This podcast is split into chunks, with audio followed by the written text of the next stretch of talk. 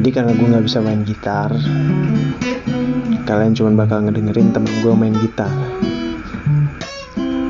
Bisa dinikmatin aja suaranya ya kan, sambil dengerin suara gue. Gue ngomong ngalur ngidul, gue juga nggak tahu mau bahas apaan sih. Tapi seru aja gitu dengerin suara gitarnya. Ini gak sih? Setuju gak lu pada?